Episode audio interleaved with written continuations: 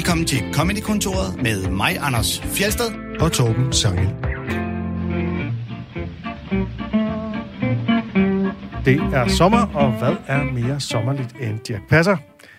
Okay, det skulle måske lige være øh, øh, sol og strand og en masse andre ting. Faktisk er de fleste ting nok mere sommerligt end Dirk Passer, men det skal alligevel handle om Dirk Passer. Fordi øh, vi har sådan en minisommerserie på to afsnit af Comedykontoret om Dirk Passers pladesamling. Og det har vi, fordi at en ven af programmet ligger inde med Dirk Passers pladesamling. Det er ingen ringer end Thomas Warberg. Velkommen til dig. Mange tak. Tak fordi du vil have mig. Og øh, Det er altså ret vildt at øh, øh, øh, hænge ud med dig, og så pludselig smider du sådan en henslængt. Jeg har jo et alle øh, Dirk Passers plader derhjemme. Jamen også fordi den har bare, det har bare ligget i en kasse i, uh, i fire år, så det var, jeg havde egentlig glemt, at jeg havde den. så, så det var Og nu vil vi jo rigtig gerne høre den historie. Hvorfor har du Dirk Passers pladesamling? Så, lang historie kort. Jeg, jeg har Dirk Passers autograf liggende, som jeg købte ved et tilfælde, fordi jeg fandt en fed uh, ABC-revyen-plakat, jeg gerne ville have på DBA. Og så havde de også autografen, og så tog jeg den med. Du er ikke gammel nok til at have mødt ham, kan vi sige. Nej, det er jeg ikke. Han døde, før jeg, øhm, før jeg kom til. Øhm, på et tidspunkt er jeg inde og lave øh, Michael Meyerheims talkshow, og der skal man forinterviews i to timer. Jeg tror, jeg får sagt, at jeg har den her autograf.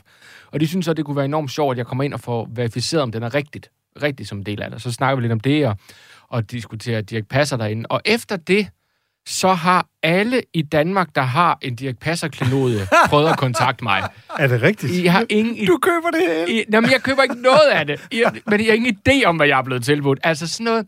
Øh, det ternede jakkesæt, som Kjell og Dirk står i, da de optræder i koncertsalen, er jeg blevet tilbudt. Hvad koster det? Jamen, vi nåede ikke til pris, fordi jeg sagde, jeg er ikke... Jeg er ikke et, men, men måske kan jeg godt samle 50 mails af ting, og mærkelige ting, fordi folk tænker, han, han køber ham der. Det gør jeg ikke. Hvis man Men køber Dirk Passers autograf, så vil man sikkert købe alt men muligt. siger det, køb alt muligt. Øhm, jeg bliver så ringet op på et tidspunkt af faktisk øh, Rico Wigman, som jo laver øh, natholdet og masse bag ting der inde på Pine Zulu Comedy Gala. og Zulu Comedy Gala, og siger til mig, hans tidligere svigerfar ligger inde med Dirk Passers private comedyplade samling på sådan 50 plader.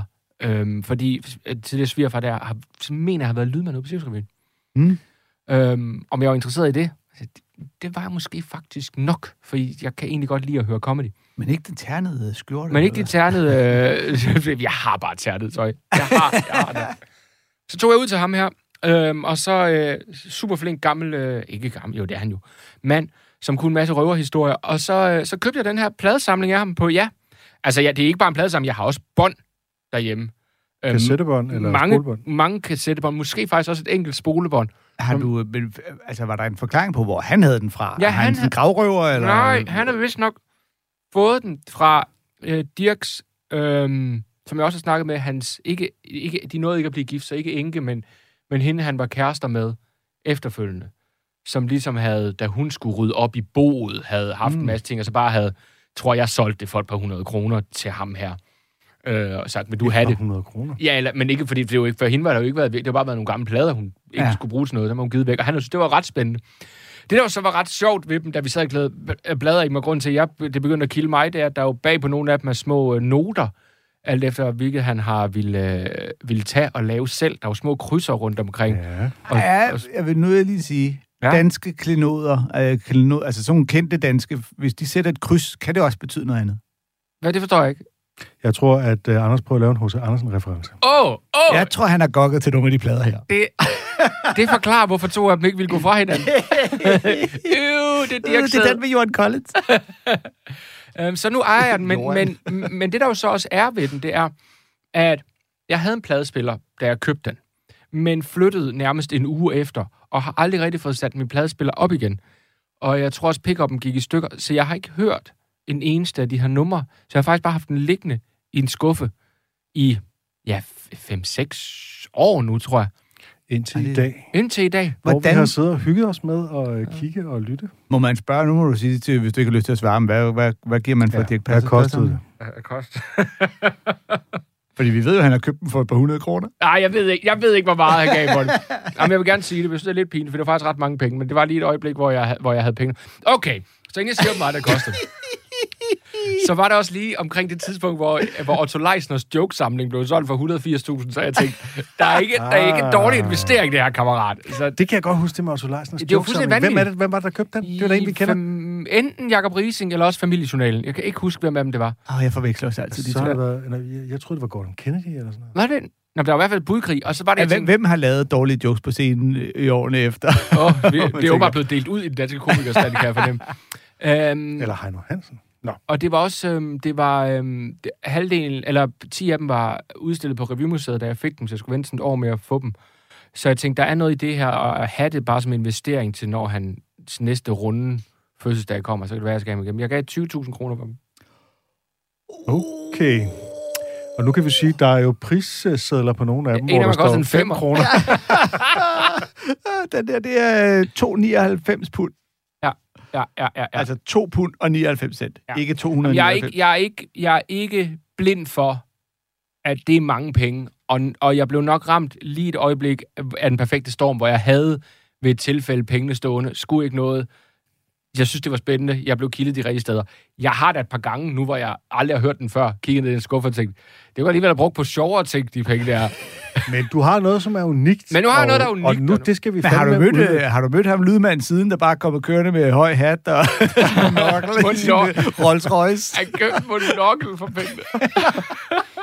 Jeg skal lige sige, at øh, det er blevet opklaret af vores fremragende producer Rasmus, øh, hvem der har Otto Leisners øh, jokesamling. Det Ja. er Anders Breinholt. Er det Anders oh, ja, Breyer? Og selvfølgelig. det forklarer jo meget. Det, der er problemet ved at eje Otto Leisners jokesamling og byde så mange penge på den, det er, at man på en eller anden måde tror, at man er den næste Otto Leisner. Det må være derfor, han må sige, det må være min ret at have dem. Og det synes jeg jo et eller andet sted er skræmmende. Ej, jeg vil sige, Men hvis- dermed siger du også, at du er den næste Dirk Passer. Jeg har kun jeg har da ikke hans jokes. Eller det har jeg jo så. Ja, jeg det ser- kommer vi tilbage til. ja. Men hvis du giver 180.000 for Var det ikke sådan noget? nogle Jo. jokes, som han jo altså har fortalt, Øh, jeg kigger på Rasmus og Så, forventer, at han kommer med et beløb om lidt, fordi... Øh, så ved man bare, at Breinholt på er blevet kontaktet af alle mulige, der har Otto Leisners gamle strømper. Men for jeg kan huske, at det, der, der bare, det var jo ret spændende, da den der jokesamling kom, og så må I jo få ham ind og, og sætte nogle af de jokes højt. fanden, mand. Men fordi jeg tænkte, skulle jeg byde Ja. ja. på det her, fordi det kunne være en sjov del af et show, og sige, nu har vi fem minutters Otto Leisen ting. Men så kan jeg huske, at jeg gik ind, og så var den sådan op i 80.000, og så tænkte jeg, hvad, hvad sker der for det her? Træk vi, det fra. vi skal simpelthen have, vi skal have Anders Breinholt ind, og, øh, og øh, med, med Otto Leisners jokesamling, så skal vi læse op. Nå, det er quizspørgsmål, han har købt. For 11.000 kroner. Okay, den historie blev bare lynhurtigt rigtig meget dårligere. Men bare quiz Jokesamling for 180.000 blev reduceret til øh, quizspørgsmål. Men hvem har så jokesamling? 11.000. Jamen, hvem har jokesamling? det er fedt. Jeg kender en, der har den hellige gral. Ja, eller nej, han har, han har Han har, underkommen. han har en eller anden skål. Han Den har Otto koster 20 Leisners kroner. underkom. Nå, For en 50'er. Jeg kan få 50'er. Åh, det er dumt. Ja, Men, vi øhm, har øh, som sagt siddet og rådet med plader her, og øh, det er jo vinylplader, og øh, vi har fået stillet en, et gramofonarrangement op i studiet. Og øh, vi skal prøve at høre noget af det comedy, der ligger her i Dirks øh, pladesamling. Øh, det er sådan For lidt... vi tænkte øh, jo straks, at det kunne være sjovt at, at lytte til noget af det. Det kunne det, og kommentere på det. Øh, Og vi har jo, nu har vi siddet og kigget på dem. Vi har jo ikke som sådan... Altså, hørt dem igennem, men vi har hørt sådan nogle uddrag af forskellige, så vi har lidt en idé om, hvad der gemmer sig rundt omkring. ja, vi har lige sikkert sat nogle... Vi kan jo lige så godt være ærlige, at det er jo øh, sommer special program. Vi er rigtig dårligt forberedt. Nej, det ved jeg ikke, om vi er. Altså, Vi improviserer, vi hedder det. Derind, Åh ja, vi det er kom rigtigt. derind før tid, det er der sjældent, det er jeg gør det. Vi har siddet true. hele dagen og lyttet næsten. Og jeg vil også sige, at jeg har taget en 10-12 stykker med, og det er jo kun en fjerdedel af, Mm. hvad jeg har liggende derhjemme. Jeg stadig bliver bladret dem igennem og tænkt, det var måske dem, jeg synes, synes så lidt sjovest ud, for der er en del på tysk, der er en del på svensk også. Øh, Svensker. svensker. Og, så, og det er, jeg er jo jyde, jeg forstår ikke svensk, så tænker jeg, det var nok heller ikke mange andre, der er gjorde. ingen, der gør. Så øh, ja, jeg synes ikke, vi er dårligt forberedt overhovedet. Det synes jeg heller ikke. Jeg synes, at, øh, men jeg synes, at det er sådan lidt, det, det er lidt mere i blinde, end det plejer, kan man sige, ikke? Jo. Øh, så vi ved ikke sådan, det kan godt være, at der er indimellem er nogle jokes, vi ikke forstår, eller der er lidt øh, knas på vinylen og sådan noget, men det er en del af charmen med det hele. Vi har fundet en frem her. Good evening. Uh, Peter Cook og Dudley Moore. In Good Evening. Comedy with Music. Directed by Jerry Adler. Og øh, sort-hvid, sort-hvid øh, LP-cover. Så øh, står de ved siden af hinanden i bedste, øh, du ved, britisk popduo-stil. Meget brede kraver, kan man se, Ja, der er flipper deres på. sorte sweater, og så alle, begge to. Den ene med lidt langt, øh, nærmest Bundesliga- Bundesliga-hår, faktisk. Og det er Dudley Moore. Ham, er, ham jeg tror jeg, der er nogen, der kender, hvis de er gamle ja. nok fra Gamle ham gamle fra forskellige gamle film. Arthur-film og, og lignende. Øh, Peter Cook kender man også, hvis man ved, ved hvem han er. det er jo lidt det, der ligger i det. Øhm, men den der, nu har vi altså sat den på, øh, og, så, øh, og der er nemlig på bagsiden, er der lavet krydser. Øh, ud Altså, fra en, Dirk Passer himself har Ja. formentlig lavet krydser. fordi bagpå står der ligesom tracklisten, øh, helt old time. Den er optaget, øh, hvad står der her, Opened on Broadway at Plymouth Theatre, no, November 14, 14th, 73. Vi er, tre- vi er tilbage i 73. 73. Øhm, side 1, og så står der nummerne. Og vi, jeg synes, vi skal bare hoppe ind og så spille øh, den, der hedder One Leg Too Few. For den er der lavet to krydser ud fra. Både et med en rød tus og et med blyant bag. Så ved man, det er altså kvalitet. Det må være godt, ikke? Og det er så nummer 1, 2, 3, det er nummer 4. Anders sætter pladen på nu, vil jeg lige fortælle lytteren. Øh, og det skal så også siges, at Anders har aldrig ejet en pladespiller før, og vi har valgt så at sætte Det har ham- jeg faktisk. Okay, Og jeg, jeg har haft sådan en 12-10'er, som står her, og jeg skal gøre mig virkelig umage for ikke at scratche. okay. Men jeg synes, der ville være noget smukt, lige du scratchede en af Dirk Passers plader. Det, det, er det ikke det, der nok, når kunstnere maler over et gammelt kunstværk? Rigby. Uh, Stella, my love. Okay, det bliver herfra. Det er derfor. Would you send in the next auditioner, please?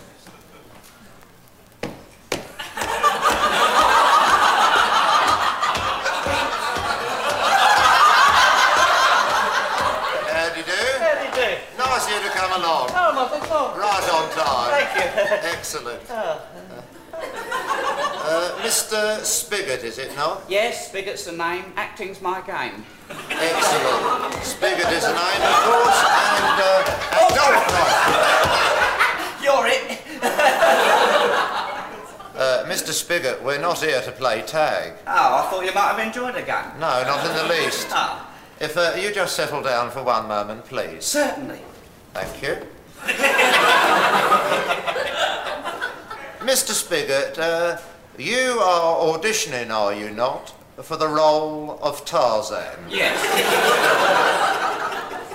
Mr. Spigot, I um, I couldn't help noticing, uh, almost immediately, that you are a one-legged man. Oh, you noticed that? When you've been in the business as long as I have, Mr. Spigot, you get to notice these little things almost instinctively. Of course. Now, Mr. Spigot, you, a one-legged man, are applying for the role of Tarzan, Yes, right. a role traditionally associated with a two-legged artiste. Uh, yes, correct, yes. And yet you, a unidexter, are applying for the role. Yes, right. A role for which two legs would seem to be the minimum requirement. well, Mr. Spigot, uh, need I point out to you, with overmuch emphasis, where your deficiency lies as regards landing the role? Yes, I think you ought to. Perhaps I ought to. Uh, need I say with too much stress that it is in the uh, leg division that you are deficient? The leg division. The leg division, Mr. Spigot, you are deficient in the leg division to the tune of one. Your right leg, I like. Ah, It's a lovely leg for the role. As soon as I saw it come in, I said, hello. what a lovely leg for the role. I've got nothing against your right leg. ah. The trouble is, neither have you.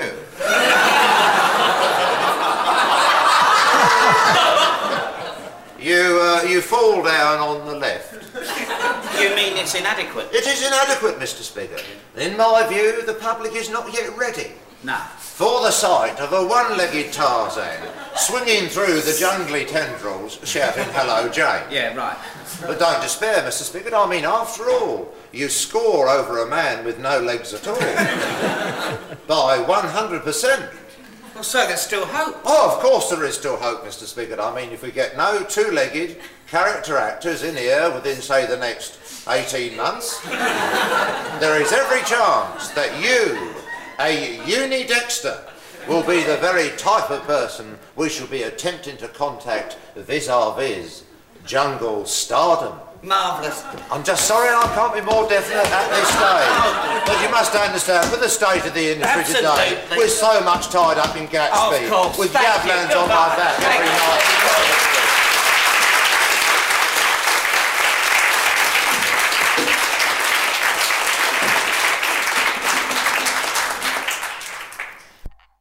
En øh, etbenet mand Det var i øh, audition som simpelthen- Tarzan. Ja, øh, det er jo en forholdsvis øh, simpel øh, præmis, om man så må sige. Jeg kunne ikke lade være med at tænke på Monty Python. Altså, der er sådan et eller andet i den der ekstreme præmis om, at øh, han har kun et ben, og han forstår ikke helt, at det er et problem. Ja, det er meget Monty Python. Det Det er en meget britisk sketch comedy, Ja. synes jeg. Men vi snakkede også om, som jeg synes er ret interessant, det er, at den egentlig er spøjst aktuel. Fordi der er den hele den her snak lige nu med, kan, kan, øh, Er man hvide- diskvalificeret? Kan hvide spille sorte roller? Kan kvinder spille manderoller? Kan, Kan et kan, ben spille to kan et benet spille tobenet? Kan, hvorfor kan Tarzan ikke, hvor, kan han i princippet ikke spille et ben? Ja. Altså, og, og det, så det er egentlig, man tager fra 1973 noget, der egentlig er fjollet, og siger, "Men lige nu har du faktisk skabt en højpolitisk sketch. Men det, det bliver jo forudset, fordi der, der bliver sagt, at publikum er endnu ikke klar til en etbenet Tarzan. Ej, det- Og her er vi så 38 år senere. ja, og sige, vil de være klar i dag? Jeg er ikke sikker. Og det er jo skægt, for når man hører den, øh, man kan jo 48. tydeligt høre, at det er et publikum, øh, der sidder et publikum, så det er jo en sketch, de har lavet foran nogen, der har set den, og når man så hører den på plade, altså i starten, da man bare hører klonk, klonk, klonk, og man tænker, hvad fanden foregår der, så er det jo sandsynligvis, fordi han hinker ind, ja. eller, Ja, for jeg tænkte over, jeg, jeg, jeg, jeg er stadig i tvivl om, hvad den lyd egentlig er. Det er sådan en meget bastant lyd. Jeg tror ikke, jeg, jeg hopper han ikke på et ben. ja, jeg tror også, han mit hopper Godt på, være, det det, han gør. på Ja. et ben, og også fordi der, hvor man så hører, han hopper, hop, hop, og så løber han hen for at sige taget, altså, så, Eller også er det et træben, som vores producer siger. ja, det er selvfølgelig også en mulighed. Ja, eller han har en krykke. lege tage fat med et ben. Det er en vildt mærkelig start. Men det nu der har med- skuespilleren jo øh, to ben, så, så hvordan han så... Ej, det kan man godt. Så bøjer man det lige og binder det fast op øh, i nakken, skulle jeg til at sige. Men det synes jeg jo nogle gange øh, faktisk... Øh, viljen til at lege med, tror jeg... Nu har jeg lavet noget tv en gang imellem, og tv-comedy. Det virker nogle gange som om tv-folk nægter at tro på, at publikum vil lege med. Altså, jeg kan godt gå ind på en scene og bøje mit ben bagud, og så, kan man, og så vil Anders skulle sige, du har et ben, og så vil Mm. publikum være sådan, yep, det er nu defineret. Ja. Hvor hvis man foreslog det til tv-folk, vil sige, vi alle kan jo se det bagved. Jamen, det er lige meget. Folk vil bare gerne høre joken. Ja. Altså, så, så det synes jeg også er ret smukt. Tag det ben op. Ja. Hop ind på et ben. Vi ved alle sammen godt, du har et ben. Jeg var overbevist om, at han ville begynde at forsvare, hvorfor han godt kunne være en etbenet Tarzan. Altså et netop et eller andet med, at jamen, jeg skal jo alligevel bare svinge mig i lianen. Ja, jeg skal han- ikke bruge to ben til noget. Eller, Han kunne have masser af gode argumenter, ja, faktisk. Ja, tigeren øh, har jo spist det. Øh, altså, Men egentlig så er joken vel, at, at han forstår ikke, hvorfor det er et problem, og ham, der er øh, den anden, han skal ligesom, han forklarer på en meget, meget omstændig måde, ja. fordi han ikke vil sige det direkte. Han prøver sådan at få ham selv til at indse det, men han skal have det fortalt meget direkte, ikke? Ja, meget elegant øh, taler han også til ham. altså. er meget velformuleret. Ja, Ja, Ja, ja, ja. og det er, jo en del, det er jo en del af al komikken her. Det er, at han jo ikke bare siger, du mangler et ben. Altså, han, han siger jo det der, du ved, hvad er det, in the leg division, you are deficient. øh, og det lige gør det jo bare sjovere. Ja. Han siger det på den måde, at man siger, du mangler ben. Men hvis, altså, det, der man også synes kan se, det er, at, at det er jo også... Altså, hvis man sad og var cirkusrevy-skuespiller i 70'erne, så er den godt nok nem at tage. Præcis. Derfor har den fået to krydser. Ja, der har været to krydser. At du skal ikke ændre... Der er ikke engang nogen referencer, du skal til at omskrive. Altså, det er bare en til en. Det her, det er nemt. Og jeg tror ikke, nogen af os er helt sikre på, at den ikke er blevet lavet på dansk. Nej, det skal jeg ikke kunne sige. Nej, Ja. ja. Øh, fordi jeg, det er begrænset, hvor mange cirkusrevyer fra 70'erne, jeg har set. Vi burde sidde her faktisk med Lisbeth Dahl, der kunne sige, den Ja. spillede jeg skulle have i 08. Ja, præcis. Kender vi en dansk øh, revyskuespiller, der kun har et ben? Men det går så, kan det spilles af ud? Det er det, der er spørgsmålet. Fedt at, at være den revyskuespiller, der får at vide, du kan ikke spille den her rolle, for du har jo to ben. Men der er, øh, altså, fordi he- hele joken i det er jo ligesom givet i det øjeblik, du vil gerne være Tarzan. Du har kun et ben, Tarzan to ben.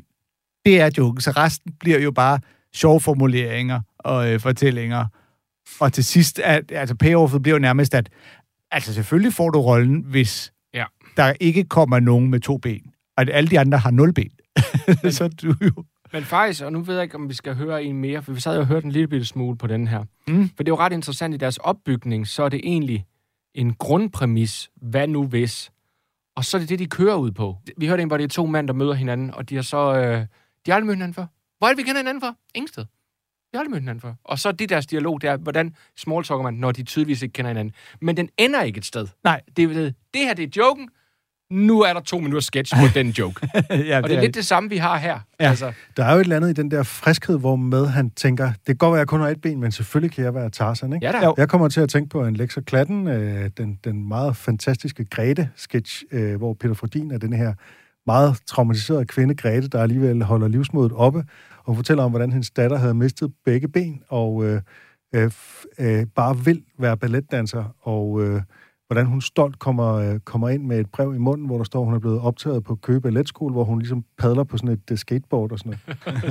det er rigtigt. Ja, det er jo, det er jo meget det samme. At, øh, han siger også på et tidspunkt, hvor han siger, øh, øh, I got nothing against your right leg. Uh, the problem is, øh, at det er det samme med dig, hvis han so do you.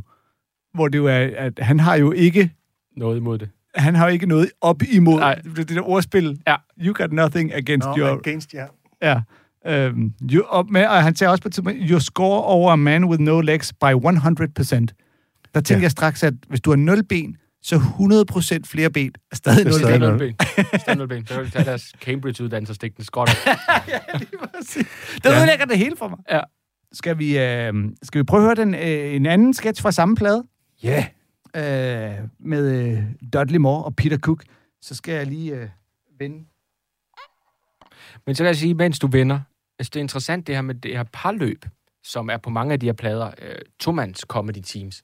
Ja. Hvordan det også har været mange år i Danmark, og nu nærmest er ikke eksisterende.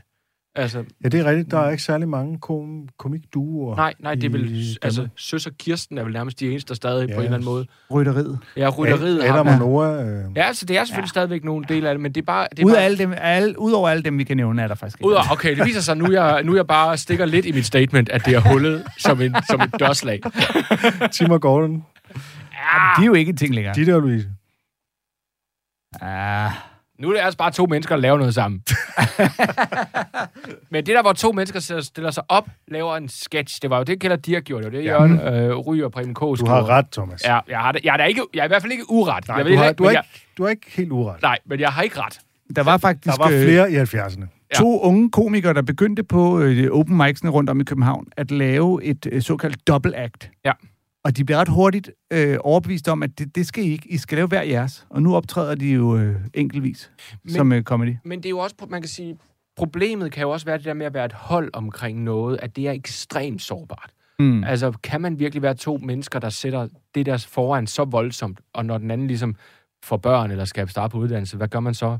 Så det giver jo god mening at bryde op. Jeg synes også, der er et problem med den form, faktisk, øh, som jeg har været lidt inde på. Sådan helt principielt. Altså, Steve Martin og, hvad nu ham den anden hedder, Martin, Martin Short, Short. ja, de laver for eksempel sådan et comedy show. Jeg synes ikke, det er lige så sjovt, som hvis de havde stået der hver for sig, fordi at de, skal, de laver en dialog, hvor de er nødt til at lave falske overraskelser for hinanden, og man godt ved det indøvet, og det synes jeg er mere irriterende, at der står en person og siger, jeg fortæller nogle jokes, og dem, det, det, det er det, jeg gør. Men det der med, at du skal, du skal lade som om, at du overrasker den anden, øh, at den ene giver setup'et, og så kommer du med en punchline. Jeg synes, der er et eller andet irriterende i den form. Det bliver måske også lidt old school, når man kigger. Jeg, jeg, Jeg så, præcis old school, ja. jeg så også de første 10 minutter af det der show, havde egentlig glædet mig til at tænke, nå, det er jo to dygtige komikere, der laver noget bras. Altså, det var min følelse. Og faktisk var begyndelsen det bedste, vil jeg så sige. Nå, okay. Det, det går ned ad bakken derfra. Jamen, det er seriøst. Altså, der, hvor de sviner hinanden til i begyndelsen, i introduktionen, er noget af det bedste. Okay, men så er det godt, jeg stoppede. Men altså, hele ideen om, om komisk duo, altså alle dem, vi nævnte der i dag, Adam og Nora og så videre, der er jo ikke nogen af dem, der går på scenen og laver sketches. Og nu skal I se os levere en sketch, Nej, nej, hvor vi er spiller ikke- to altså- sjove karakterer. Der, der, er det jo, der er det jo faktisk, skal vi vel tilbage til Søs og Kirsten nærmest, ikke? Som ja. jo lidt gjorde det. Eller på re- til revy. Altså, så skal ja. Ja. vi jo ind og se noget revy. Ja, der er masser af, af sådan nogle i revyer, ikke? Ja, men så, egentlig, men, men så er de med kostymer, hvor det her, det er jo et, helt tilbage til, hvor de ikke var. Altså, der kommer de ind, og i princippet er dem selv, og så laver et act, som er øh, dødt herhjemme. Skal vi øh, spille næste nummer stadig? Dudley Moore og Peter Cook? Ja. Ja. Den er så god, den knitterlyd. Er det lækker?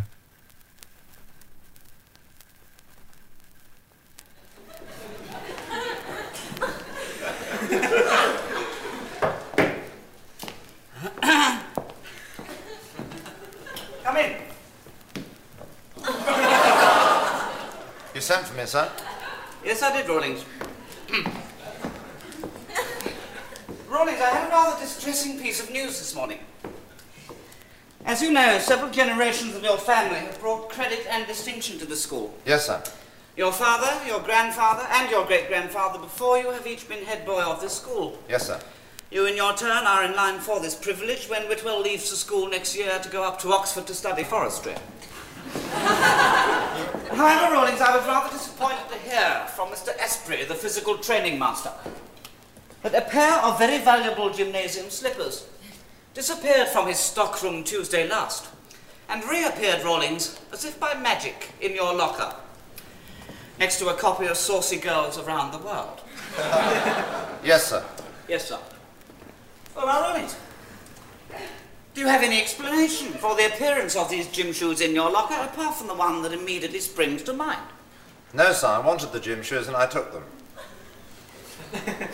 You wanted the gym shoes, Rawlings, and you took them. Yes, sir. Good thinking. Rawlings, do you have any conception of what would happen in this world if everybody just took what they wanted? It'd be ghastly, sir. It would be ghastly. Thank you, Rawlings. It would be ghastly. we would be living in a sea of anarchy. The whole model fibre of society would fall apart. Do you feel you're in some way unique, Rawlings, and exempt from the basic laws of human behaviour? No, sir. Do you feel that the ethics of a civilized society apply to everyone except you? No, sir. Are you indeed some latter-day Hitler, Rawlings, who feels he can annex whatever he wants? Today, gym shoes, tomorrow, the world. No, sir. No, sir. Well, now, Rawlings, let me explain something to you. It is my duty to douse the flames of such overweening ambition, to exorcise this creeping cancer. And, Rawlings, you will find in me no policy of appeasement, boy. No. Rather, you will find in me a Churchill. I will fight you on the beaches, Rawlings. I will fight you in the air. I will repel your doodlebugs. And I will snatch your Messerschmitts from the sky. Got it? Yes, sir. Good. Well, now, Rawlings, you may have gathered there is only one course open to me. I'm going to have to give you a damn good thrashing. I want you to bend over and take six of the best. Well, sir, could I just say one thing, sir? Well, yes, you may, Rawlings, but any plea for mercy is going to fall on deaf ears. Well, sir, I did steal the gym shoes, sir, and I do deserve to be punished. Yes, Rawlings. And you're much older and wiser than I am, sir. Oh, come on, boy. But I'm much bigger than you are, sir. and if you lay a finger on me, I'll smash your stupid little face in.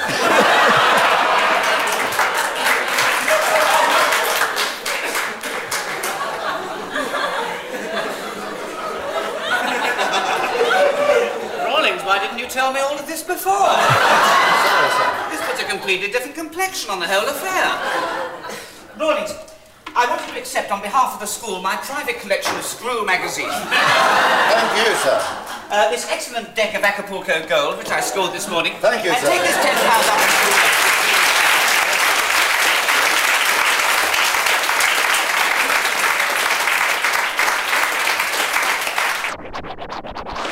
Der gjorde det. Jeg kunne ikke lade være. Ja, Anders Scratcher, DJ Fjelle. DJ Fjelle.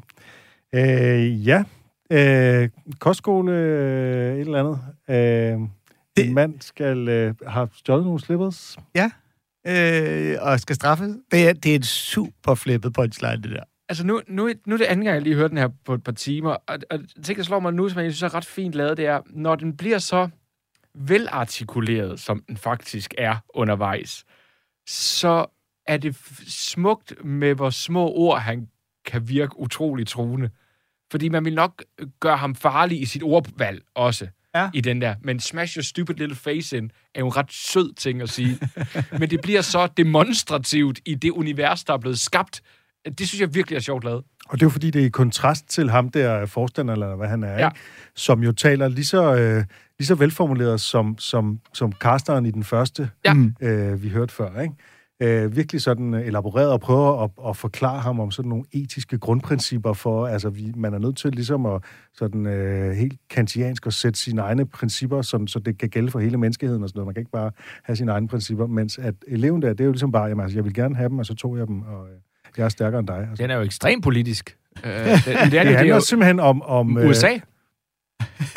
Men det handler jo om USA. Det handler om hele det her måde, vi bygger et samfund op på. Ja. Og du må ikke tage, og vi er nødt til at have regler, og hvordan vil hele samfundet være? Og siger, jamen, jeg er stærkere end dig, jeg smadrer Ja. dig, hvis du gør det. Okay. Ja. Og det er jo... Altså, Vil du have det er, noget mere? Vil du have noget mere? det er jo, det er jo, det sætter enormt meget om samfundet, ikke? Jo, jo den, den køber jeg øh, 100% ind på. Altså, jeg, jeg synes jo, det, det er jo meget brugt generelt, det der med, jo finere du kan formulere tingene, jo sjovere bliver det af en eller anden årsag. Ikke? Ja. Altså, så længe alting bare bliver formuleret med nogle fine fremmedord, så... Øh, og han er jo meget... Men det er også, fordi det skal forestille dig, hvad den her fine øh, skole, universitetsting... Altså også det er sjovt, at ham, der så er bøllen, han er jo også meget... Øh, jamen, øh, ja, øh, javel, ja. Øh, hvis jeg lige må have lov at indskyde, indskyde noget. Og det er jo nok sådan nogle omgangsformer på sådan en, en fin, fin kostskole, og hvor at, at han jo nok også er en fin familie, og derfor bliver han talt pænt til, ikke? Hvor Ja. at en arbejderdreng vil jo bare have fået en endfuld med det samme, uden nogen forklaring, ikke? Ja, eller, øh, ved, og så bliver jeg jo nødt til at straffe dig, sådan, så hvis du rømmer, så smadrer dig. Men det er jo det ikke. Undskyld, hvis jeg lige må øh, ja. Indskyde noget. Jeg har taget dem, det var forkert, og jeg fortjener selvfølgelig en straf, og du er klogere ældre end mig. Hvis du rømmer, så dig. Ja, men jeg er større og stærkere end dig, er begrundelsen, ikke? Det er præcis den, øh, den ganske uetiske begrundelse. Men der er nogle ret sjove sætninger undervejs, han også kommer med. Jeg synes, det er at, at en hitlerisk opførsel. Ja. Uh, today's uh, gym slippers, tomorrow the world. Ja. Altså, Ja, ja, han der bare tror, du kan annekterer- annektere hvad som helst, der er dit. Det, det er jo også virkelig, sjovt omkring sko. Men der er også en Churchill-reference med til Ja. ja. lands, til vands og i luften. Ja, hvis han er Hitler, så er jeg Churchill. Ja, det er ja, sådan, ja, jeg går ja, ja. imod dig. Ja, det er rigtigt. Ja. Men, øh, ja, men og, og, og hele det der, altså det er jo et slippery slope-argument i yderste potens. du ved, hvis, hvis vi alle sammen bare tager dem, så bliver det hele jo bare et hav af anarki. Det er et slippers slope Slippers slope-argument. Øhm, Jeg læste uh, John Cleese selvbiografi. Han er Cambridge-mand også. ja. Ja. ja. Og han fortalte jo måden, de byggede de der revyer op på, som jo endte med at tage på Edinburgh Festivalen. Så kom folk, og simpelthen havde en open mic, og så kunne folk komme med deres act, ikke deres jokes. Men hvad havde de for et lille act? Så der er de jo også kommet ind med det der, spillet den, og som sagt, det er sjovt nok til at komme med i revyen. Og det har så været det der comedy act, man havde. Det var sådan, man lavede comedy i England i mange år. Det var via de skoler, og så kunne de så tage rundt på turné. Så man skulle gå på de fine skoler for Ja. at få lov at være den, den fjollede... øh, Ja, i hvert fald have en vej ind sikkert også til at spille Ja. ja. teaterne og sådan noget. Der har jo været en undergrund, uden tvivl. Men de har nok ikke fået LP'er. Tænk, hvor mange danske komikere, der aldrig var blevet til noget, hvis du havde nødt til at gå på et fint universitet for at få lov at slå igennem. Det sjove er, og det tror jeg ikke Danmark er klar over, at så havde de kun haft Dorset og Geo. Og Morten Maj og Mads Holm. Er de, er, er de færdiguddannede? Ja, jeg tror faktisk, Mads Holm er. Okay, okay. Jeg Der er mange, der Jeg har er i en, tvivl om Morten. Jo, Morten er der også. Morten har skrevet special. Jo, jo. okay, der, er, der er mange, der har en bachelor, ved jeg. Og Ja. som efter det har tænkt, fuck, det Jeg er lort. er rimelig sikker på, jeg er nogen af 90 procent sikker på, at øh, de begge to har færdiggjort deres uddannelse. Jeg tror faktisk også, Kasper Gros har færdiggjort skal Ja, Mette Fobenius har også en øh, forholdsvis fin uddannelse. Okay, jeg okay. Det er kun også... Men bortset fra dem her Ja, og det kan 17 godt andre, så... Men nu ved jeg heller ikke, hvor meget at man ville kunne regne Aalborg Universitet som det danske svar på Cambridge eller Oxford. Jo, jo. eller en anden random CBS-uddannelse. øhm, skal, vi, øh, skal vi prøve at øh, hoppe lidt videre? Men nu, altså, jeg ved ikke, om vi skal... Øh, Torben, nu snakker vi jo om, at der var sat krydser bag på den her. Ja. Øh, den her Good Evening med Peter Cook og Dudley Moore. Og vi antager jo helt øh, tagligt, at det er fordi, at han har øh, købt dem og lyttet til dem med henblik på at stjæle, stjæle komikken. Men det er jo fordi, vi har en på tysk, som jeg ikke er sikker på, vi kommer til at spille med, hvor der ikke bare er et kryds, men også er en sætning, hvor der står det hele Ja. udefra. Det er jo det der, fordi du, man kunne også lave det søde argument, der hedder, her er, hvad han vil spille for sine venner, når de kommer på besøg. Og den tese vil jeg så gerne underbygge. fordi jeg har taget nogle klip med, som, øh, som fuldstændig klokkeklart beviser, at Dirk Passer via Preben Kås har stjålet fra amerikansk comedy. Uh, det jeg gerne. Øh, for nogle år siden, jeg tror det var i 2013, der hørte jeg de her gamle Bill Cosby-albums fra 60'erne. Øh, og der var indimellem noget meget genkendeligt, især på det album, der hedder Why Is There Air? Hvorfor er der luft? fra 1965. det var simpelthen jokes, som jeg kendte fra Dirk Passer. Og øh, så researchede jeg lidt på det, og øh, fandt i en Dirk Passer-biografi, hvor der stod, at Preben Kås faktisk tog til New York og købte en masse comedyplader og tog hjem, og så stjal han lidt. Og det var ligesom sådan lidt det, man gjorde dengang. Og Preben Kås har jo skrevet mange Før internettet. Monologer. Det var øh, længe før internettet. Øhm, og jeg vil spille to eksempler på, hvordan øh, Dirk Passer-monologen Hoppegyngen, øh, som er angiveligt er skrevet af Preben Kås, har taget jokes fra Bill Cosby. Øhm, det er så, altså det er jo på en lidt anden måde, ikke? Fordi Bill Cosby laver regulær stand-up, hvor han fortæller anekdoter angiveligt fra sit eget liv om, at hans kone er gravid, og han skal være far og sådan noget, ikke? Mens Dirk, han jo er i karakter som et barn i den her berømte øh, hoppegynge, ikke? Øh, men ellers så er det præcis øh, de samme jokes, øh, nogle af dem. Så øh, først skal vi høre Bill Cosby tale om, at hans kone er gravid. But anyway, you gotta sympathize with your wife. You've got to identify with what's going on. And I do just that. First thing I get up in the morning, I throw up. That's right. And I sleep a lot. I wear suits that are too big for me, you know. I, I wear low heel shoes and I walk like this, you know. And I cry a lot, you know. But I'm copping out the last month. Ain't nobody getting me in that delivery room, I tell you. I don't care what goes on. But let's talk about the baby for a second now. I, I've got to sympathize with the kid. You know, the woman's uh, the woman is really, you know, she's in bad shape and everything. But you know, that kid, man, is in a little room. It's a little teeny room, and it's humid in there. You know, and that's nine months, man. That's a long time, and I think it would benefit both the parents and the child if we could work on something that would shorten it. The duration, that's what I'm talking about. I sent a letter to the Polaroid camera people. And I asked them to work on it, you know. I think 30 years from now they'll come up with something. You kiss your wife, wait 10 seconds. You like it? Well, he's a little out of focus. Uh, you know. Kiss again, that's all. If you like that one, you gotta dip him in the lacquer, see? If you don't dip the kid in the lacquer, he'll fade on you. Mom,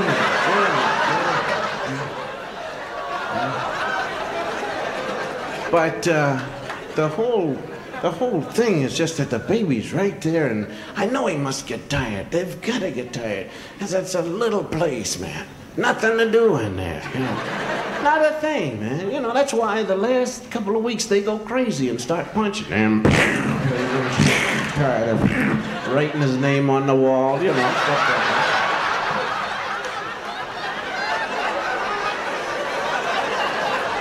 I tried to get my wife to swallow a ball so he'd have something to play with, you know. Bounce it around, you know. Interesting thing that ever happens to that kid is when the food comes down through the tube, you know. You can see that. Oh, that's nice. I like that. That's good. Hey, get them Brussels sprouts out of here. Ja, der er noget med at øh, kaste op i solidaritet med sin hustru. Der er noget om, at babyen er spadet inde i sin mave i lang tid, øh, og nok keder sig og øh, øh, skriver sit navn på væggene og får mad ned i hovedet og, og prøver at få sin kone til at sluge en bold, sådan så den lille inde i maven har noget at lege med. Mm. Og øh, nu skal vi høre øh, noget af Jack Passers hoppegynge, hvor han altså på scenen sidder i den her kæmpestore hoppegynge og fortæller præcis de her jokes. Jeg ved, jeg ved da godt, hvordan man får det lille barn derinde. Habba. Men jeg kan ikke forstå, hvordan at de får storken ind bagefter. En lille rum i ni måneder. Det kan du ikke godt huske det. Man har jo ikke andet at lave, end at sparke og skrive sit navn på væggen. Og så det, de spiser, det plumper ned lige oven i knalden på en. Rosenkål, det er de mest irriterende Pinocchio-kugler i hele verden. Og i tre måneder, der er min mor pludselig helt vild med rødbødbrød med persillesauce. Puha, ba, ba, ba, ba, ba, puha, ba, ba, ba. Og man keder sig. Så jeg prøvede på at proppe en bold ned i munden på min mor, mens hun sov, for at min lillebror kunne få noget at lege med. Habba. Ja, det var jo øh, genkendeligt, Ja. øh, mildt sagt. Altså, det er ikke tilfældigt, det her. Giver I mig ret? Ej, det er det slet ikke. Ej, er, det tror jeg det, det vil øh, undre mig meget. Det er sjovt at se, hvordan så... Det er sjovt at se, hvilken øh, mølle man har følt, det skulle kværnes igennem, før det, et dansk publikum ville elske det. Ja, og det er jo en Dirk Passer-mølle. Altså, hans levering er jo altså, meget sådan ekstrem på en måde. Ikke? Altså, han mm. har jo virkelig sin egen måde at, at gøre det på. Og så er han jo så inkarneret som det barn, der selv fortæller. Ikke? Jo, men også, altså, det er jo også noget, jeg kigger på Preben Kås, der har sagt, okay, her er en håndfuld af jokes, dem tager jeg, hvad gør jeg med dem nu? Og vi som stand up ville, hvis vi skulle være tvunget ud i en situation, vi skulle genfortælle dem, sige, hvad med at genfortælle dem? Sådan det. Altså, du ved. Men, men det der med, at han har sagt, okay, vi skal have Dirk Passer, vi skal have ham op i en gynge, vi skal have ham som baby, vi skal have ham til at sige habba habba, er en enormt... Egentlig, er det, er det med til at gøre det stærkere, eller er det med til at gøre det svagere? Det ved jeg egentlig ikke. Jeg, jeg synes, det er lidt en genistreg. Fordi gør at hver gang han siger habba, habba, habba, habba, det er sjovt i sig selv. Så Ja. han kan fylde alle huller ud med det der. Med det. Der er Ja. også et eller andet sjovt i selve synet af Dirk Passer, som jo lignede en kæmpe baby. Lad os bare Ja, sige det, ja, som ja. det er, i den her hoppegynge. Mm. Altså, der var, der, det, det, det havde sig selv. Det er jo ikonisk. Jeg tror, de fleste vil kunne se ham for sig, fordi det er et af de mest berømte billeder af Dirk på scenen. Det er præcis i den der hoppegynge. Ikke? Mm. Der er sådan et eller andet med en stor voksen mand, som sådan en kæmpe baby i en hoppegynge. Ja. Ja, sådan rent revymæssigt, der, er- der er det jo et ret fedt greb. Men du Og- har jo ret i, at det er jo fordi, at der ikke er en stand-up tradition. Jeg kan jo ikke lade være med at tænke, at havde man gjort det andet, så kunne stand-up'en jo være kommet til Danmark langt, langt tidligere, end den gjorde, hvis Preben Kås ligesom havde tænkt, øh, nu, nu laver vi stand-up. Altså, Ja. øh, men det, øh, det var han ikke den, der ligesom synes, han skulle gøre, tror jeg. Jeg købte en bog, øh, der hed øh, Det øh, glade Frederiksberg, da jeg sin tid flyttede til Frederiksberg, som handlede om, hvad der havde været af byliv og teaterliv, og hvilke steder, der nu er blevet lukket ned, og hvorfor gaderne som de hedder. Og så fortalte de ned på, der hvor Avenue T, det jo også blevet revet ned nu, men lå der et sted, der hed Sommersted, som i 1920'erne havde de en gut, han kan ikke huske, hvad han hed, men som lavede et, et act øh, hver aften, der hed Den Talende Avis, hvor han havde avisen med op, og så talte han sjovt om, hvad der var sket i løbet af dagen. Og det var en dunderende succes, men han blev skudt af sin kæreste to år efter. Han blev kun par 20. Men det er ret sjovt at tænke på, at, Wow. at du kan tage Lenny Bruce og stikke ham skråt op, fordi det hele startede i 20'erne. Men så kan man jo samtidig sige, men at folk har rejst sig op og sagt noget sjovt for en andre mennesker, har vi jo gjort, mm. siden vi kunne stå op. Altså, Ja, og spørgsmålet er, hvor sjovt det... Altså, det, det er jo... Det er jo åh, man vil jo gerne høre de optagelser, ikke? ja, Hvad sagde han? hvad sagde han, og hvad var det, og, og, hvor, og hvor stor en succes var det, og hvor mange har, ikke, har man ikke været med til at har været døde, og bagefter sagt, det kunne være blevet det vilde. Ah, så har set, nogen, der har overlevet, hvor det ikke blev. True. og så bliver han alligevel skudt. Det synes jeg er det mest Jeg blev vigtige skudt, som jeg også synes var ret øh, af historie, men, men det er jo spændende. Mm. Mm. Men, det er, og, og, men det er også sådan en... Altså, jeg, så da, jeg, da det stille og roligt gik op for mig, da jeg begyndte at komme i, i kredse, hvor man kendte comedy bedre, at meget af det her var taget. Altså alt, hvad jeg havde hørt i min barndom, var bare mm. nubbet. Og så der var jeg sådan, jeg var egentlig fornærmet på mange måder. Jeg følte mig snydt, og jeg følte også, at, at vi stod som stand-up-komikere og, og virkelig arbejdede hårdt på at lave noget, ingen havde hørt før, og selv skrive det. Og, og på en eller anden måde, så skulle man troppe op i stedet for at sige, ja, men det bliver jo aldrig Dirk. Og sige, jamen det er fordi, at jeg har øh, skyggen af integritet. men, men jeg er også blevet ældre, og, og, og kan måske også godt se tilbage på en, en, en anden tid, hvor det her var sådan, man gjorde. Altså, du, du spillede et lystspil, som var et manuskript, du fik i hånden. Mm. Og så gik du op og gjorde det sjovt, og så gik du over og spille revy, og så fik du et manuskript i hånden, og så gik Mm. du op og gjorde det sjovt. De har ikke på den måde... Altså, Dirk Passer har jo aldrig påstået at, at have skrevet de her ting. Det var ikke noget, man gik op i. Det på var, og det var ikke Nej. vigtigt, og folk var glade at høre musikscenen stadigvæk. Altså gamle Peter Belli-numre, Johnny Ram-numre. Det er jo bare oversatte numre stadigvæk. Altså, Altså, hele Danstoppen, det vil jeg gerne lige sige, Ja. hele Danstoppen, undtagen John Mogensen, er jo oversatte øh, sange med melodier taget fra udlandet. ja, så, så, Hele bundet. Det Ja. har jo ikke en skid med dansk musik at gøre. Nej, så, så det er det der med, nu taler vi om, om, om kulturkanerne, det der akt, han havde med fingrene bare, bare øh, ind i ørerne, og som jeg også bare 20 stjålet. Ja, ja. Men, men, men hvad, altså, Ja, hele fingertingen, ja. og så om på ryggen. Ja, ja, ja. Det er Art Mitrano, Ja. ja. øh, Captain Mauser fra Po- Police Academy, altså som det... det, lavede den oprindeligt. Nå, det er sjovt. Det, jeg kan blive sådan lidt ærgerlig over, det er, det er den her historiefortælling, der nogle gange er, som jeg ikke ved, om er sand med, med Kjell Petersen og Dirk Passer. Ved, så, så drak de meget, og så sad manuskriptforfatteren med dem og bare skrev ned alt det sjove, de sagde, og så skabte man, og så, så viser... Hvad er det lige for nogle af deres sketches, der Jamen- er opstået sådan? Men lige præcis, og når man så tænker, jamen, men er det bare fordi, jeg ikke har pladen, at, at tømmerfloden ikke ligger foran mig? Fordi de tog også på inspirationsture, mm. og, og, og hvis de kunne skrive de her ting, hvorfor har de så ikke skrevet flere af de her ting?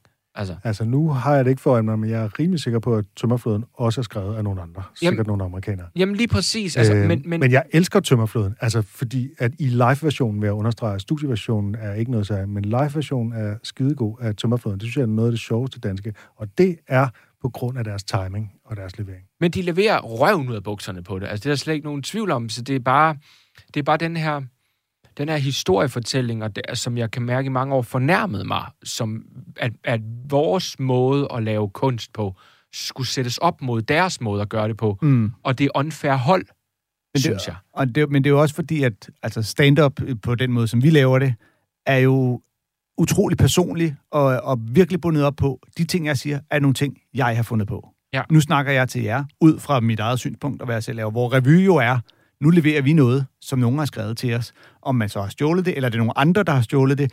Men, men på den måde, men altså, da jeg begyndte at lave stand-up i øh, midt-90'erne, der var det jo en ting, folk snakkede om, at nogle af de der stand-up-komikere har bare stjålet deres jokes.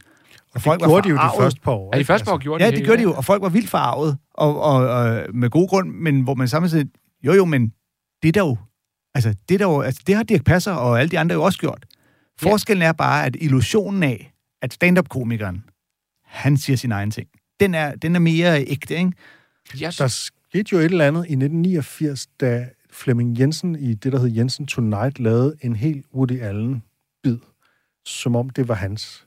Ja. Øh, Tommy Kenter stjal for Robin Williams. ja, men der begyndte man at tale om det. Sådan husker mm. jeg det i hvert fald. Det kan godt være det først for nogle år senere, man begyndte at tale om, men der, der blev i hvert fald talt om det der med, hov, hov, Flemming Jensen, du, du lader som om, at det er dig, det er Jensen Tonight, men det er jo Woody Allen på, øh, på, på dansk pludselig, ikke? Jo. Ja. Altså, det var ord til andet, og de var jøder, og det var det hele, ikke? Altså, det er jo nærmest, det, det, blev, det er jo selv, selvstændigt, Den der med alien, ikke? Ja, det er jo selvstændigt afsnit af Comedy-kontoret med alle dem, der, der har lavet sig øh, inspirere i... Øh, fordi det, altså, det har Ørkenens Sønder og Finn Nørbegaard og alle mulige jo gjort. Men, men jeg tror, det, der frustrerer mig, det er, fordi fred være med det. Og det var en anden tid, og man gjorde nogle andre ting, og det var muligt og sådan noget. Men jeg bryder mig ikke om historiefortællingen. Nej. Jeg bryder mig ikke om, at, at det er Preben Kås, der har skrevet den der hoppegyngen. Altså, ja, Han det, står alene krediteret ja. for den. Mm. Og, og det, det er det, der sådan lidt frustrerer mig. Også øh, tal linje 3, øh, som jo bare... Jeg købte en øh, Best of Johnny Carson DVD, og jeg kunne lige så godt have købt det Best of linje 3. Altså det her med, det Mm. er bare, og de er så gode, og hvor får de det fra? Og, men, men, kan vi svare på. Men det kunne være fedt, hvis de var ærlige. Det ville også lære folk meget om comedy. Og Det er jeg at fuldstændig enig i. Det, det, det frustrerer mig At enormt man, meget. at man godt kunne i det mindste kreditere Ja. dem, man stjæler fra, eller dem, man så øh, Ja. ja. fordansker. Det gjorde ondt på mig i hvert fald at erfare, at Dirk Passers øh, fingersketch er i den danske kulturkanon. Ja. Fordi at... Er altså, den det? Ja. Og, Jamen, og, du det ved, er også en fejl. Det, det er fandme dumt. og når det så Undskyld er, mig. er noget, han har stjålet fra en amerikansk øh, skuespiller, så er det jo sådan lidt... Så er det jo ikke... Og det er det samme med det der dansktop. Altså, de prøver alle sammen, de her dansktop-navne, at skjule, at de øh, har taget nogle udenlandske hits, nogle udenlandske schlager-hits og, og country- og western-hits og fordansket. Øh, og få det til at lyde som om, at nå, jamen, så er det Candice, der har lavet det her, og så er det Birte Kjær, der har lavet det her, og sådan noget. Det er det jo aldrig. Nej, og, og, de, og de må gøre lige, hvad de vil. Jeg havde faktisk på et tidspunkt snak med, med Vivl om det, fordi han jo ligesom var nærmest første bølge af stand-up-komikere. Mm. Og hvor jeg snakkede om det der, øh, de første par år, hvor, man, hvor, man, hvor de stjal så meget, som de gjorde. Men han sagde, men vi var udefineret. Der var ingen, der vidste, hvad vi lavede. Vi kom ud, hvor der var blevet skrevet stand-up, og så blev der slukket øh, musikken på et diskotek, og så skulle du råbe dem op til et publikum, der ikke kendte formen, mm. og du havde optrådt i et par måneder. Altså, hvis du havde en joke, der virkede et sted fra, så lavede du det. Det kan jeg godt se, Ja. og det synes jeg også, man skal være ærlig omkring, at de her drenge lavede jo et pionerarbejde, og mange af dem forsvandt jo så, da den generation kom, der skrev selv, for det kunne de ikke følge med til. Men de stod derude med deres små Bill Hicks-jokes, og gjorde et kolossalt arbejde for, for generationer. os. Jamen for os Ja, jo. det er rigtigt. Og vi kunne ikke have gjort det. Og så vi synes jeg jo også, der er forskel på netop, hvis man har stjålet en øh, 8 eller 10 minutter lang bid, ord for ord, eller hvis man som i, altså nu virker det jo som om hoppegyngen her, nu ved vi jo ikke, om de har stjålet de andre jokes nogle andre steder fra, men jeg har, har løftet et par jokes fra en Bill Cosby-ting, fordi, altså, set alene, jeg er lidt nysgerrig efter, om øh, Preben Kås har lyttet til Bill Cosby og tænkt, de her er sjove, dem skal vi bruge, eller om han har siddet og skrevet på, øh, nu putter vi Dirk Passer i en hoppegyng, nu skal han være en baby og snakke om, at han skal være lillebror. Og de her, Dirk Passer, øh, de her Bill Cosby jokes kunne passe sjovt ind der. Altså, Jeg tror, jeg tror. Bill Cosby er kommet først. Han har købt den der plade, han har tænkt, det der, det skal jeg lave noget af, det er fandme sjovt. okay. Det tror jeg. Ja. Det er et gæt. Ja, ja, men fordi at, Fordi altså, man, Jeg kunne synes, ikke, man kunne ikke ligesom det- bare søge. Han havde ikke en eller anden database, hvor han kunne søge på jokes om baby. Altså, det, nej, nej, så- men det kan ikke- godt være, at han har siddet og skrevet sketchen og fået ideen til sketchen og tænkt, gud, øvrigt, var det ikke noget med, at jeg har den her Bill Cosby-plade, hvor han snakker om noget af det samme? Den Jeg der har- joke kan jeg bruge, den der kan jeg bruge. Uden at det nu skal være blasfemisk, så har jeg en idé om, at mange Preben K's sketches har stjålet ret meget fra ret, ret mange steder. Okay. Om, for jeg synes, jeg synes resten af selve revyideen med at putte Dirk Passer op i sådan en hoppegynge der og stå og være baby, er pisseskæg. Du skal, Altså- du skal passe på, hvad jeg siger på live. Øh, Kom med det, Thomas. Men jeg snakkede med Tommy Kenter på et tidspunkt, som, og vi snakkede, vi snakkede Jørgen Ry og Preben Kås, og så sagde han, Gud, Jørgen Ry var god. Ej, hvor var han god. Altså, han, der var ikke det, han ikke kunne. Uh, jeg spillede den sidste forestilling, han nogensinde spillede, spillede jeg sammen med ham. Der var han nødt til på et tidspunkt, han var så syg, han blev afløst af Preben Kås, og Gud, hvor var han dårlig. Altså, Gud, var han aldrig kunne noget som helst. Altså, han kunne iscenesætte folk, det kunne han, men mangel på talent har jeg sjældent set mere af. Altså, det synes jeg var ret vildt, nogen, der har kendt dem som Ja.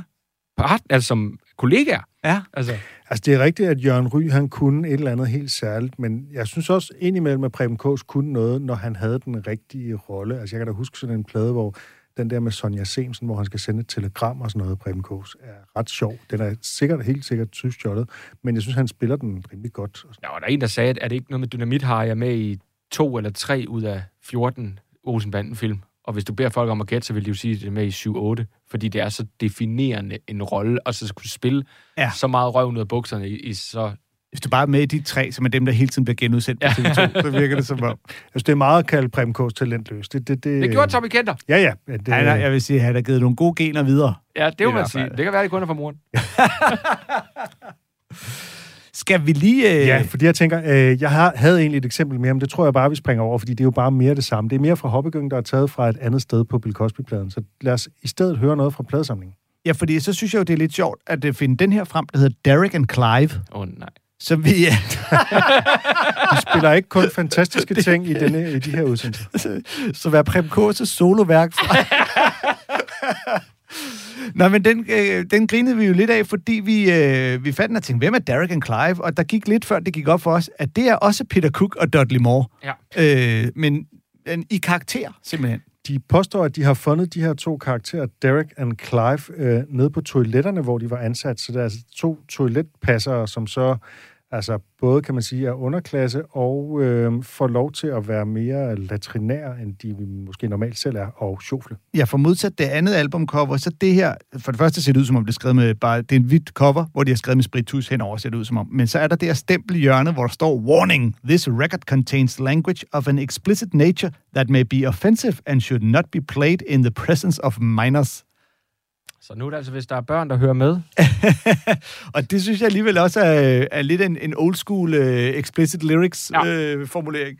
Men uh, vi, vi spiller bare en lille, en lille uh, sang, uh, Just One of Those Songs, som er det sidste nummer på uh, side 1. Jeg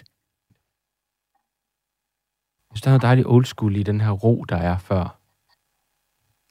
Før der bliver sat musik på. Det er, som, det er virkelig radio i gamle dage. Det kommer nu. Thank you, the Reverend Ike.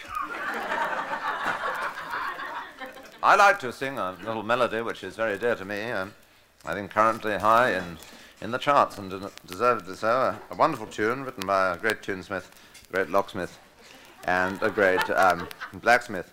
Thank you for that line. Um, it's a simple little melody which I think brings back memories to many of us, especially those of us who are here and remember the occasion.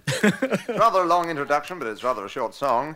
And um, I want to hear one of those oh, fucking Christ I've come songs.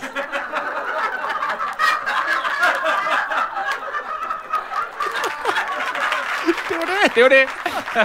Nu sidder vi alligevel og griner. Der er jo en lille smule Steve Martin over det her, ikke? Vi har før spillet den her med hans øh, bedstemors sang og sådan noget, ikke? Ja. Altså det der med ligesom at sige, det her er en sang, som er sådan virkelig speciel, og så er det bare... Ja. Pff, ikke? Jo, jo, lige præcis. Og, så, øh, og bare præsentere det med, at han selv kalder. Ah, det er en utrolig lang præsentation til en virkelig kort sang. Jo, der er, noget, der er noget klar timing. Du kan godt høre, det, det, er, en, det er jo en dygtig komiker, der gør Ja. det synes jeg. Skal gøre et flow og Og også lidt ordspil med i Great Songsmith and Blacksmith and, locksmith. and Locksmith. Det er med med nogle dårlige ordspil. Så, øh, men stadig sjovt. Men øh, det, det var to eksempler på øh, Dirk Passers egen personlige øh, pladesamling, Ja. som du øh, har købt formidlet en, en, en Jeg synes, vi skal holde op med at snakke om, hvor meget jeg har givet. For det, det er blevet nævnt en gang, og så må folk stoppe tilbage, og det er ikke vigtigt for Vi noget. kan jo selvfølgelig fokusere på, hvorvidt det er et, øh, et virkelig absurd øh, stort beløb, eller det bare er en halv times arbejde for dig. Men det sjove er, men det jeg har tænkt, fordi det der skete, det var, at jeg, jeg rendte ind i Hjortøj for nogle år siden, og så sagde jeg jo, da var ved at flytte, og så siger han, jeg har sgu nogle gamle comedyplader liggende. Øh, vil du have dem? Siger, ja, ja. Så fik jeg dem, og to kogebøger eller sådan noget. Så var en masse faktisk Bill Cosby-plader. Så jeg har jo, jeg har jo Dirk Passers og Lars Hjortøj og min egen plade sammen. Det må snart være noget værd. når, øh, når Lars Hjortøj en dag dør, Jeg er jo nødt til at vente på, at Hjortøj han kratter i havnen, men altså, ja. og Anders Nielsen kommer med sin Hjortøj-tatovering, og du tænker, uh, han køber hvad han som køber helst. masser med sammen der. Jeg skulle tjene godt penge på det indretning. Vi laver, en, øh, vi laver en, øh, en, en omgang til med Dirk Passers plader, tænker jeg. Øh, nu har vi jo øh, sådan set spillet nok for i dag, fordi at, øh, vores tid er gået, som Er den det så ofte allerede? gør. Jamen, det, jo- tiden flyver i godt selskab, Thomas Warberg. Ja, det må Så øh, vi skal jo takke af her for øh, Radio 4 øh, for den her omgang, og vi lyser ved næste gang. Skal vi lige slutte med et Dirk Passer citat? Ja. Jeg har fundet et godt et. Man skulle have været dværg, så var bajerne meget større.